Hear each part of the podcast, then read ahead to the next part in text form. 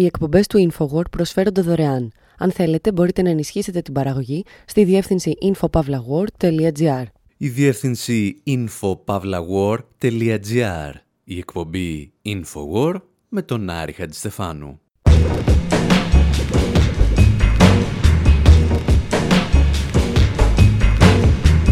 όπου σήμερα αφιερώνουμε την εκπομπή στους εργαζόμενους σε delivery και courier, οι οποίοι πραγματοποίησαν απεργία στην Αθήνα. Επειδή όμως όταν τους προσεγγίσαμε μας είπαν ευγενικά ότι δεν μιλάνε σε δημοσιογράφους, η αναφορά μας σε αυτούς και τα αιτήματά τους σταματάει εδώ. Ανταυτού διηγούμαστε ιστορίες με πιτσιρικάδες που μοίραζαν εφημερίδες στο 19ο αιώνα και νεαρούς που τραβάνε πετάλι στον μαγικό κόσμο της σύγχρονης διαμοιραστικής οικονομίας. Ανεβαίνουμε κατηφόρες και κατεβαίνουμε ανηφοριές για να δούμε εάν οι νέες τεχνολογίες που επέτρεψαν τη δημιουργία εταιριών όπως η Uber και η Deliveroo θα μπορούσαν να μας βοηθήσουν να πετύχουμε τον κοινωνικό έλεγχο της παραγωγής ή έστω της διανομής της. Όλα όμως ξεκινούν με ένα paperboy.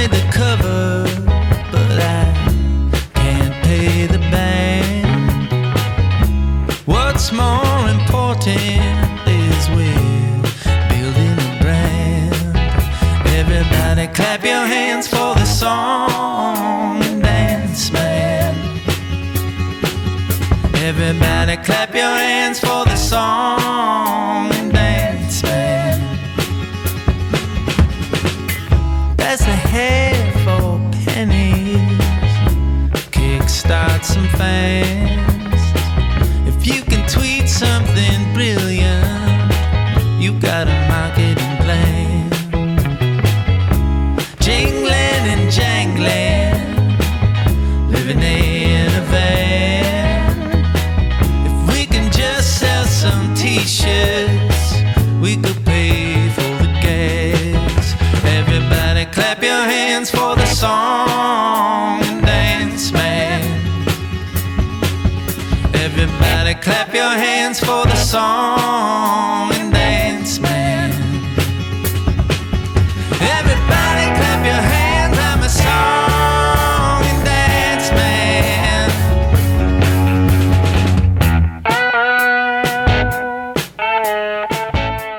Καναδός Jason Collett που κάποτε ανήκε στους Broken Social Scene υποστηρίζει ότι ήταν Paperboy όταν υπήρχαν Paperboys. Αναφέρεται δηλαδή στους πιτσιρικάδες που βλέπουμε σε κάθε αμερικανική ταινία μιας κάποιας εποχής να μοιράζουν εφημερίδες με τα ποδήλατά τους. Μια ιστορία παλιά που μας ταξιδεύει πίσω στο 1833.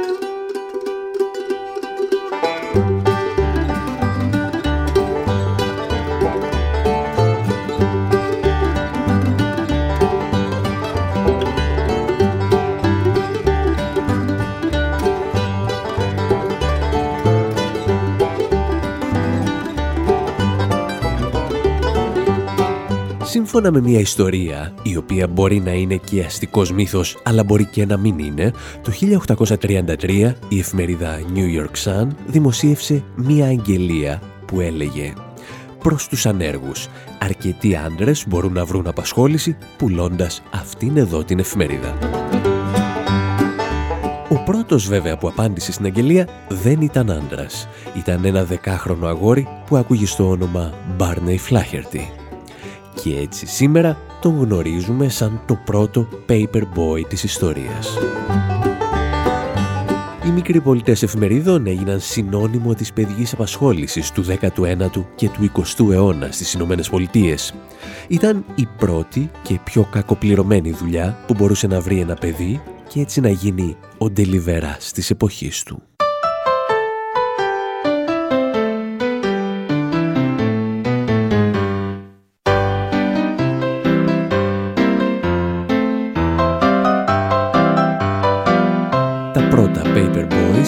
Newsboys, εργάζονταν σε απαράδεκτες συνθήκες για ατελείωτες ημέρες και κυρίως νύχτες. Εκείνη την εποχή όμως η παιδική εργασία θεωρούνταν νόμιμη και ηθική. Οι φιλελεύθεροι της εποχής μάλιστα υποστήριζαν ότι το να απαγορεύσεις στα παιδιά να εργάζονται θα στρέβλωνε την ελεύθερη αγορά. Μου τα εξηγούσε ο διάσημος κορεάτης οικονομολόγος Χατσου Τσάνγκ όταν συναντηθήκαμε πριν από μερικά χρόνια στην Αθήνα. In the book, I use this example of child labor. In the 19th century, when child labor was very widespread, and some people proposed uh, to regulate it. Στο βιβλίο μου χρησιμοποιώ το παράδειγμα της παιδικής εργασίας. Στο 19ο αιώνα το φαινόμενο αυτό ήταν πολύ δεδομένο και όταν κάποιοι θέλησαν να επιβάλλουν κρατικούς περιορισμούς στην παιδική εργασία, οι υποστηρικτές της ελεύθερης αγοράς αντέδρασαν. Υποστήριζαν ότι έτσι υποσκάπτονται τα θεμέλια της ελεύθερης οικονομίας υποστήριζαν ότι αφού υπάρχουν παιδιά που θέλουν να εργαστούν και εργοδότες που θέλουν να τα προσλάβουν, το κράτος δεν έχει κανένα λόγο να παρέμβει. Δεν απήγαγε κανείς αυτά τα παιδιά και τα έβαλε να δουλεύουν. Υπό αυτό το πρίσμα λοιπόν η κρατική ρύθμιση ήταν απαράδεκτη. This uh, policy was uh, the policy of regulating child labor was considered totally unacceptable. Οι φιλελεύθεροι του 19ου αιώνα λοιπόν θεωρούσαν αδιανόητο να απαγορεύει κάποιος την παιδική εργασία και δεν είχαν κανένα πρόβλημα να βλέπουν ανήλικα παιδιά να μοιράζουν εφημερίδες στο χιόνι ή τις πρώτες πρωινές ώρες της ημέρας. Είχαν όμως κάποιο πρόβλημα τα παιδιά.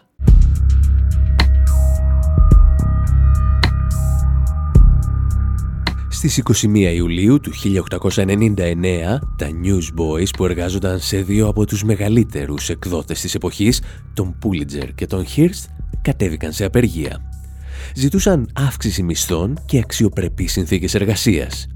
Και μπορεί να μην ήταν η πρώτη απεργία τους, αλλά ήταν αυτή που έμεινε στην ιστορία. Τα Newsboys κατέλαβαν ακόμη και τη γέφυρα του Brooklyn στη Νέα Υόρκη, μπλοκάροντας τη διέλευση για ημέρες. Ο Πούλιτζερ απάντησε προσλαμβάνοντας μεγαλύτερους σε ηλικία απεργοσπάστες, οι οποίοι όμως δεν κατάφεραν να σταματήσουν τις κινητοποιήσεις κινητοποιήσεις οι οποίες σε αρκετές περιπτώσεις περιελάμβαναν και το σκίσιμο των φύλων που έφταναν με κάποιο τρόπο στην αγορά. Οι ανήλικοι απεργοί κάλεσαν τους αναγνώστες να μην αγοράζουν εφημερίδες και αυτοί ανταποκρίθηκαν σε σημαντικό βαθμό.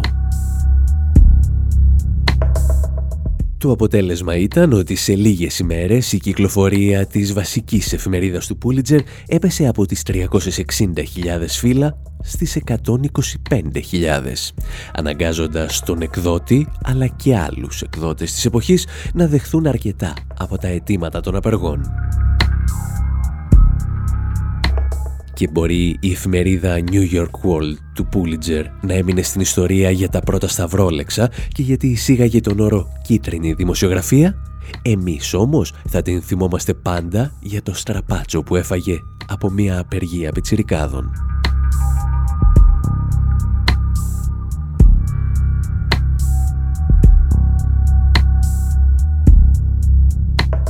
Εσείς πάλι κρατηθείτε στις θέσεις σας, γιατί από τα Paper Boys του τέλους του 19ου αιώνα θα σας μεταφέρουμε στους ντελιβεράδες με τα ποδήλατα του 21ου αιώνα. Θα χρειαστούμε δυνάμεις και αρκετή ορθοπεταλιά για να ανεβούμε τη γελαστή ανηφόρα, αλλά και πολλές νικηφόρες απεργίες.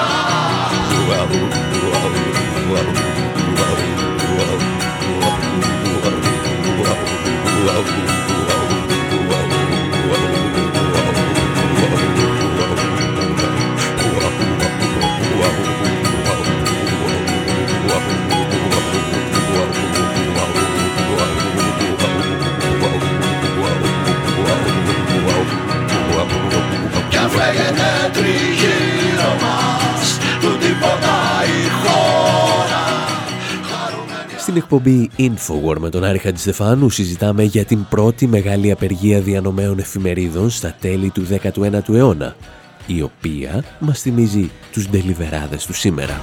Κι αν φλέγεται τριγύρω μας Γιατί έκαναν και αυτοί την απεργία τους το καλοκαίρι του 2016 και φρόντισαν να το ακούσουμε.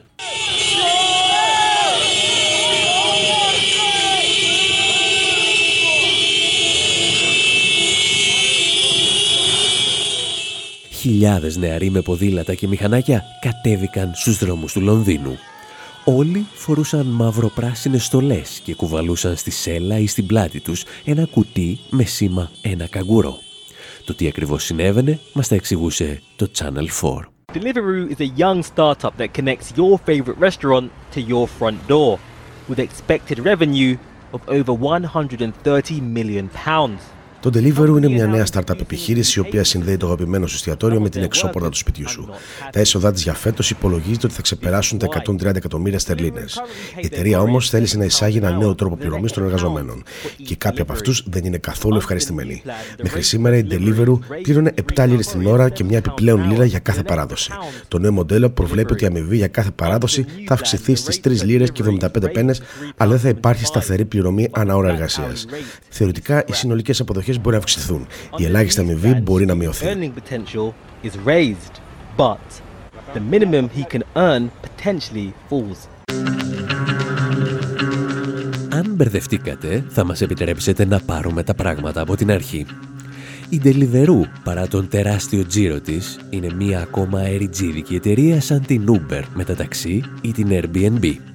Με μια εφαρμογή για κινητά φέρνει σε επαφή τον πελάτη που θέλει να παραγγείλει κάτι με το εστιατόριο από όπου θα το παραγγείλει. Ο διανομέας λοιπόν δεν είναι υπάλληλος του εστιατορίου.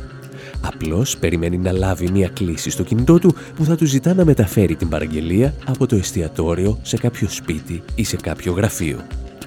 Η λογική είναι ίδια με το Airbnb, μόνο που αντί να προσφέρεις στο σπίτι σου, προσφέρεις την εργατική σου δύναμη και τον εξοπλισμό σου, δηλαδή το μηχανάκι σου ή το ποδήλατό σου. Όταν λοιπόν η Deliveroo πρότεινε στους διανομείς της να μην πληρώνονται με την ώρα αλλά μόνο με την παραγγελία ήταν σαν να τους αφαιρεί τον κατώτατο μισθό. Το πραγματικό πρόβλημα όμως ήταν ότι δεν τους αναγνώριζε σαν υπαλλήλους. Τα εξηγούσε ο δικηγόρος Nigel McKay που ασχολήθηκε με την υπόθεση. Deliveroo treats its riders as self-employed. So what it says is that they are effectively running their own business um, in, when they carry out their, their job as delivering food. Η Deliveroo αντιμετωπίζει τους ποδηλάτες της σαν αυτοαπασχολούμενους. Τους λέει δηλαδή πως όταν διανέμουν φαγητό έχουν τη δική τους επιχείρηση. Εμείς πιστεύουμε ότι απλώς βάζουν ένα ψεύτικο τίτλο στην πραγματική σχέση εργασίας. Είναι και αυτοί οι εργάτες ή υπάλληλοι όπως συμβαίνει σε τόσες άλλες δουλειές. Καταρχήν η εταιρεία ασκεί έλεγχο πάνω τους αφού καθορίζει πώς θα κάνουν τη δουλειά τους ενώ ακολουθεί σαφή διαδικασία προσλήψεων. Επίσης ελέγχει την απόδοσή τους και τους απομακρύνει από το σύστημα εάν δεν προσφέρουν συγκεκριμένο όγκο εργασίας σε συγκεκριμένο χρόνο. Τέλος, τους ζητά να φοράνε στολή και να έχουν μια τσάντα με το σήμα της εταιρείας. Δεν μπορεί κανείς να ισχυρίζεται ότι είναι αυτοαπασχολούμενος όταν είναι τόσο δομικά συνδεδεμένος με την επιχείρηση. It's really difficult to see how they can really be self-employed when they're so obviously integrated and part of this business. Ο δημοσιογράφος του Channel 4 που ακούσαμε νωρίτερα εξηγούσε τι σημαίνει να μη σου αναγνωρίζουν ότι είσαι υπάλληλος μιας εταιρείας όταν φοράς ακόμη και το σήμα της. They're not even employees. They're self-employed and contracted to the company. Now, work like this is considered part of the gig economy. Δεν είναι καν υπάλληλοι. Θεωρούνται ελεύθεροι επαγγελματίες που συνεργάζονται με την εταιρεία. Μια τέτοια δουλειά ανήκει στη λεγόμενη διαμοιραστική οικονομία. Το προσωπικό αντικαθίσταται με ανεξάρτητους παρόχους έργου. Η εταιρεία υποστηρίζει ότι έτσι κερδίζει σε ευελιξία και αποδοτικότητα. Τι γίνεται όμως με αυτούς που βρίσκονται στην άλλη πλευρά της εξίσωσης, δεν υπάρχει ιατρική κάλυψη και άδεια ασθένειας, δεν υπάρχουν διακοπές. Υπάρχουν μόνο χαμηλές αποδοχές. no holiday pay, and these workers say they are low paid. Θα παραμείνουμε στο θέμα της διαμοιραστικής οικονομίας συζητώντας και πάλι για τα Uber. Κυρίως όμως θα δούμε πώς και γιατί πέτυχε η περσινή απεργία στην Τελιβερού και τι έχουμε να διδαχθούμε από αυτήν. Εσείς πάλι να θυμάστε ότι μπορείτε να βρίσκετε όλες τις παλιές εκπομπές μας στη διεύθυνση info.pavlawar.gr Να τις ακούτε στον υπολογιστή σας ή να τις κατεβάζετε στα κινητά σας τηλέφωνα για Android και iPhone.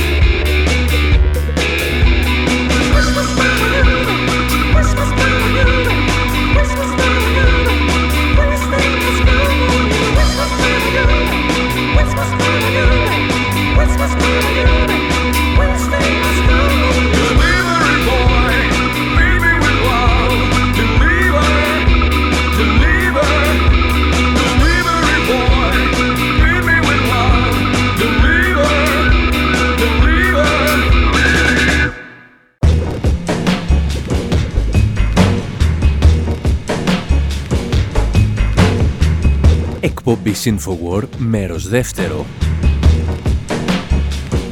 όπου συζητάμε για απεργίες δελιβεράδων και κάθε λογής διανομέων στο πέρασμα της ιστορίας. Είδαμε κάτι αγόρια με κοντά παντελονάκια να τα βάζουν με τους εκδότες Pulitzer και Hearst και να τους κατατροπώνουν. Και τώρα θα δούμε πώς οι σύγχρονοι ντελιβεράδες της Αγγλίας πέτυχαν το καλοκαίρι του 2016 τη μεγαλύτερη νίκη απέναντι στη λεγόμενη διαμοιραστική οικονομία. Πριν φτάσουμε όμως εκεί πρέπει να θυμηθούμε δύο κουβέντες που είχαμε πει και για αυτήν την οικονομία όταν συζητάγαμε για τα ταξί Uber και ξεκινούσαμε και τότε με ο λίγον από Dead Kennedys.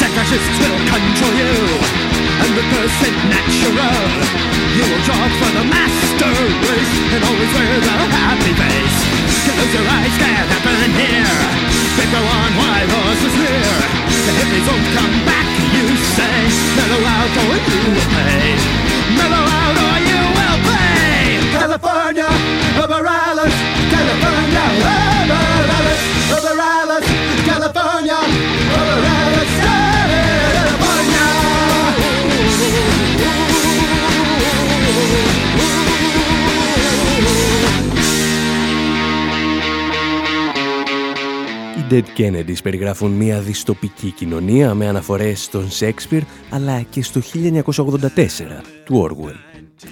Κυρίως όμως δανείζονται ιστορίες από την ναζιστική Γερμανία και τον εθνικό της ύμνο, το περίφημο Deutschland Deutschland Uber Alles. Και ενώ το Uber Alles δεν χρησιμοποιείται σήμερα παρά μόνο σε αναφορές για το Τρίτο Ράιχ, η γερμανική λέξη Uber πολιτογραφήθηκε και στα αγγλικά. Το Oxford Dictionary εξηγεί ότι το Uber αναφέρεται σε ένα ξεχωριστό ή ανώτερο παράδειγμα συγκεκριμένου είδους άνθρωπου ή πράγματος. Παίζοντας λοιπόν με την γερμανική και αγγλική πλέον λέξη Uber, δύο νεαροί, ο Τράβις Καλάνικ και ο Γκάρετ Κάμπ, αποφάσισαν να δημιουργήσουν το 2009 την Uber Cab, δηλαδή το υπερταξί της Καλιφόρνιας. Και επειδή οι αρχές της πολιτείας τους είπαν ότι θα τους κόψουν τα πόδια εάν παρουσιάζονται σαν εταιρεία ταξί, έσβησαν το cab και κράτησαν το Uber. Με τη βοήθεια ενός φυσικού, ενός νευροχειρουργού και ενός μηχανικού, και δεν πρόκειται για ανέκδοτο, οι δύο νεαροί παρουσίασαν μια λαμπρή ιδέα. Θα φτιάξουμε, είπαν, μια εφαρμογή έτσι ώστε κάθε πολίτης που θέλει να εργαστεί σαν οδηγός ταξί να μπορεί να μεταφέρει κάποιον άλλο πολίτη που θα τον καλεί μέσω μιας ειδικής εφαρμογής σε smartphone. Η λογική είναι σχεδόν ίδια με το περίφημο Airbnb που σου επιτρέπει να νοικιάζεις στο σπίτι σου. Ο πελάτης πληρώνει την Airbnb, η οποία αφού κρατήσει ένα σημαντικό ποσοστό, δίνει με τη σειρά της τα χρήματα στον κάτοχο του σπιτιού. Και ενώ στην Ευρώπη το να κάνει ο καθένας τον ταξιτζή θεωρούνταν πειρατεία και είχε καταπολεμηθεί από τη δεκαετία του 50, στις Ηνωμένες Πολιτείες το ονόμασαν καινοτομία και άρχισαν να κάνουν λόγο για τη λεγόμενη οικονομία του διαμοιρασμού, το sharing economy. Στο σημείο αυτό υποπτευόμαστε ότι η συγκεκριμένη καινοτομία του καπιταλισμού θα μπορούσε να περιγραφεί καλύτερα με τη λέξη φούσκα αλλά θέλουμε πρώτα να ακούσουμε και τη γνώμη μερικών ειδικών. Και θα το κάνουμε ύστερα από ένα μικρό διάλειμμα.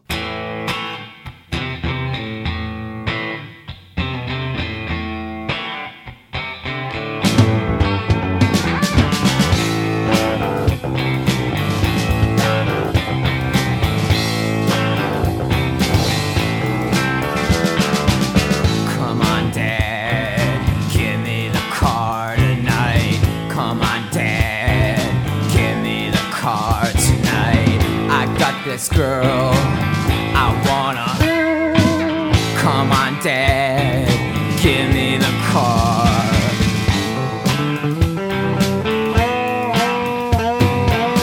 Come on, Dad, give me the car tonight. I tell you what, I tell you what I'm gonna do. I'm gonna pick her up, I'm gonna get her drunk. I'm gonna make her cry. I'm gonna get her I'm gonna make her laugh. I'm gonna make her shh. Woman, woman, woman. I know she's it, cause I'm gonna touch her all over her body. Gonna touch her all over her body. Gonna touch her all over her body. Gonna touch her all over her body. And she can touch me.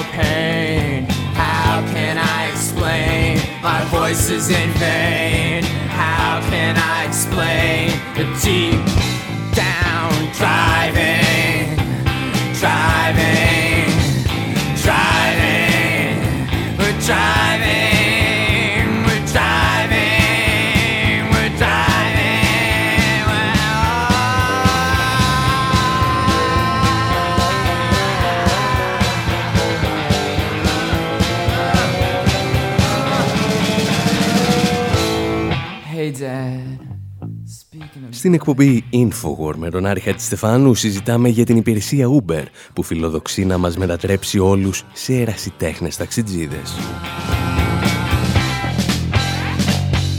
Τα προνόμια από τη συγκεκριμένη πλατφόρμα είναι βέβαια πολλά. Ο χρόνος αναμονής και το κόστος συνήθως μειώνονται. Ο πελάτης βλέπει στο κινητό του που βρίσκεται το Uber που θα τον παραλάβει, ενώ μπορεί να βρει κούρσα ακόμη και σε περιοχές που δεν πέρναγε ταξί ούτε για δείγμα. Όσο για τον ερασιτέχνη οδηγό, βρίσκει έναν τρόπο να συμπληρώσει το εισόδημά του. Κάπου εδώ όμως τελειώνει το παραμύθι και αρχίζει η σκληρή πραγματικότητα. Για αρκετούς φιλελεύθερους αναλυτές, υπηρεσία όπως αυτή της Uber θα μπορούσαν να καλύψουν τα κενά στην απασχόληση που δημιουργήθηκαν μετά την κρίση του 2008. Σύμφωνα πάντως με όσα λέει ο Στίβεν Χιλ, αυτό είναι απλώς ένα τσιρότο στην ανοιχτή σκιώζουσα πληγή του συστήματος. The economic collapse that we all experienced and in the aftermath of that the pretty weak recovery and a lot of new companies Είχαμε την οικονομική κατάρρευση που βιώσαμε όλοι μας και ακολούθησε μια πολύ αδύναμη ανάκαμψη. Τότε εμφανίστηκαν διάφορες online υπηρεσίες σε αυτό που αποκαλούμε οικονομία διαμοιρασμού. Πρόκειται για εταιρείες όπως η Uber και η Airbnb. Καθώς ο κόσμος δεν έβρισκε δουλειά ή έβρισκε εργασία πολύ κακής ποιότητας, αυτές οι εταιρείες παρουσιάστηκαν ως λύση για να καλυφθούν τα κενά μιας αδύναμης οικονομίας. Μέσα σε λίγα χρόνια συνειδητοποιήσαμε ότι δεν πρόκειται για καλές θέσεις εργασίας όπως αυτές που είχαμε πριν από την κρίση. Δεν προσφέρουν αξιοπρεπείς μισθούς και την εργασιακή ασφάλεια που χάσαμε. decent wages, a bit of job security that we lost. Classic example is, is Uber, um, where you know most of these jobs, 80% are are part-time. Over Τυπικό παράδειγμα αποτελεί η Uber. Το 80% των θέσεων που προσφέρει είναι μερικής απασχόλησης και οι μισές δεν ξεπερνούν τις 15 ώρες το μήνα. Οι περισσότεροι οδηγοί μένουν λιγότερο από ένα χρόνο στην υπηρεσία. Είναι προσωρινές θέσεις μερικής απασχόλησης και όταν οι οδηγοί καταλαβαίνουν ότι αυτό δεν λειτουργεί, ψάχνουν να βρουν άλλη δουλειά. Figure out this is not working for me, and they move on trying to find something else. Ο Στίβεν Χιλ κατανοεί απόλυτα την εκμετάλλευση των εργαζομένων που κρύβεται πίσω από τις υπηρεσίες όπως η Uber. Φαίνεται όμως να σταματά λίγο πριν φτάσει στην ουσία του προβλήματος. Γι' αυτό θέλησαμε να ακούσουμε και την άποψη που διατύπωσε παλαιότερα ο Άντριου Κιν. Ο Κιν ήταν ένα από τα πολλά υποσχόμενα μυαλά της Silicon Valley, μέχρι τη στιγμή που κατάλαβε ότι πίσω από τις περίφημες startup και την καινοτομία κρύβεται μια τεράστια φούσκα.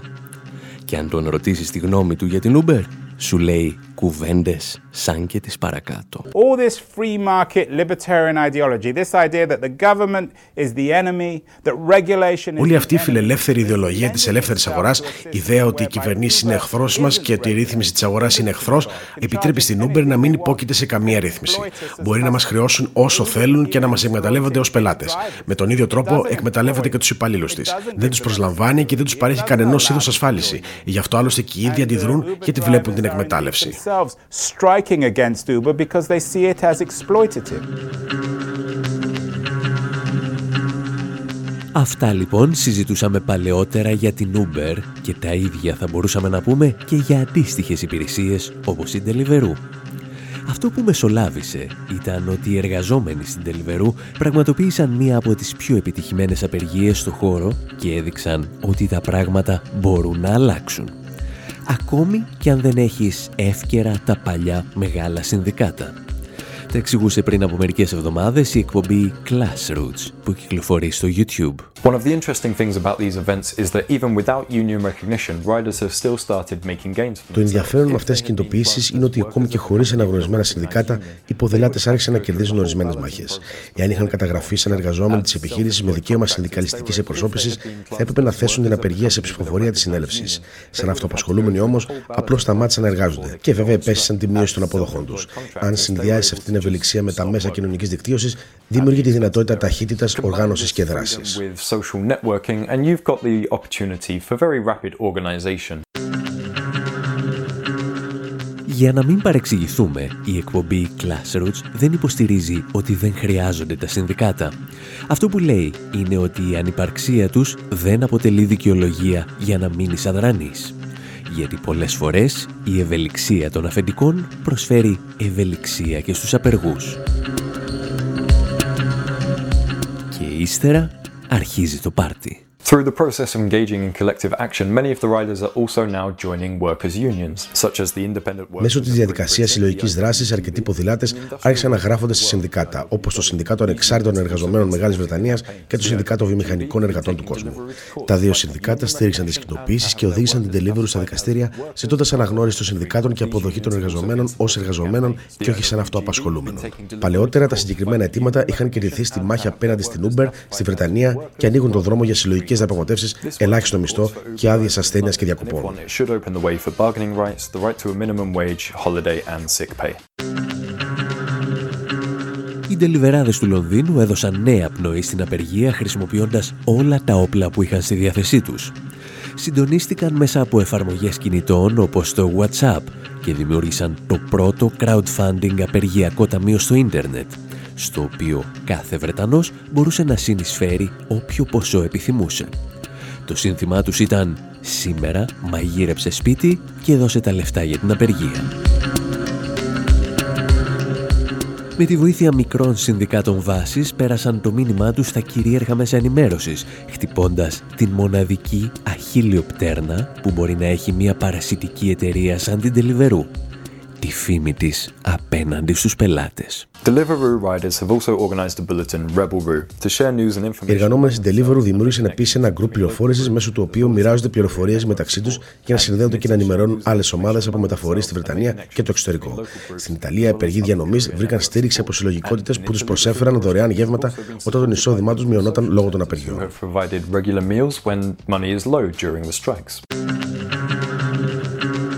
Οι Βρετανοί ντελιβεράδες λοιπόν χρησιμοποίησαν τα μέσα ενημέρωσης και τη σύγχρονη τεχνολογία σαν όπλα. Και μέσα από αυτή τη μάχη γεννήθηκε και μία ακόμη πιο σημαντική ιδέα. Αν εταιρείες όπως η Uber και η Deliveroo μπορούν να στήσουν πλατφόρμες διαμοιραστικής οικονομίας, γιατί να μην το κάνουν οι ίδιοι οι εργαζόμενοι για τον εαυτό τους; Technology is also readily available, and there's a generation growing up with the skills and the language to build applications and websites. Η νέα τεχνολογία είναι πλέον πιο διαθέσιμη και μια νέα γενιά μεγαλώνει γνωρίζοντας πώς να δημιουργήσει τοσελίδε και εφαρμογές. Θα μπορούσε μήπως η τεχνολογία που χρησιμοποιεί η Uber και η Deliveroo να χρησιμοποιηθούν από συλλογικότητες εργαζομένων. Σε αυτή την περίπτωση η επιχείρηση θα άνοιγε σε όσους συμμετείχαν σε αυτήν. Το συγκεκριμένο όραμα έχει γίνει ήδη πραγματικότητα από ομάδες εργαζομένων στο Λονδίνο και στο Μπέρκλι της Καλιφόρνιας. Αντί να περιμένουν απλώς για μια κλίση που θα τους καλεί να μεταφέρουν φαγητό, οι εργαζόμενοι θα μπορούσαν να ελέγχουν συλλογικά την επιχείρηση. Οι αποφάσεις θα λαμβάνουν δημοκρατικά και τα κέρδη θα επενδύονται πάλι στην επιχείρηση ή θα μοιράζονται με τη μορφή αδειών, ασθένειας και μητρότητας. Decisions more democratically and reinvest profits back into the business and enjoy the benefits of sick pay and maternity leave. Στο σημείο αυτό θα μπορούσε κανείς να πέσει σε μια συνηθισμένη παγίδα.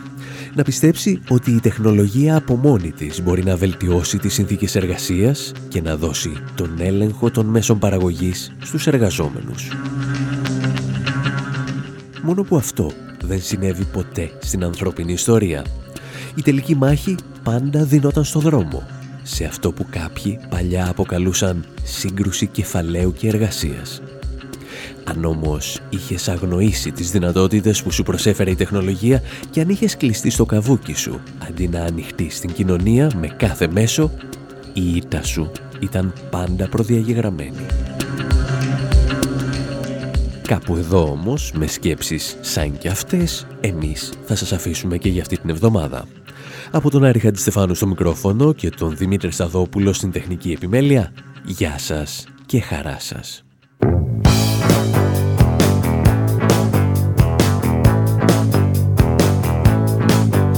Mr. Cab Driver won't stop to let me in. Mr. Cab Driver don't like my kind of skin. Mr. Cab Driver, you're never gonna win. Mr. Cab Driver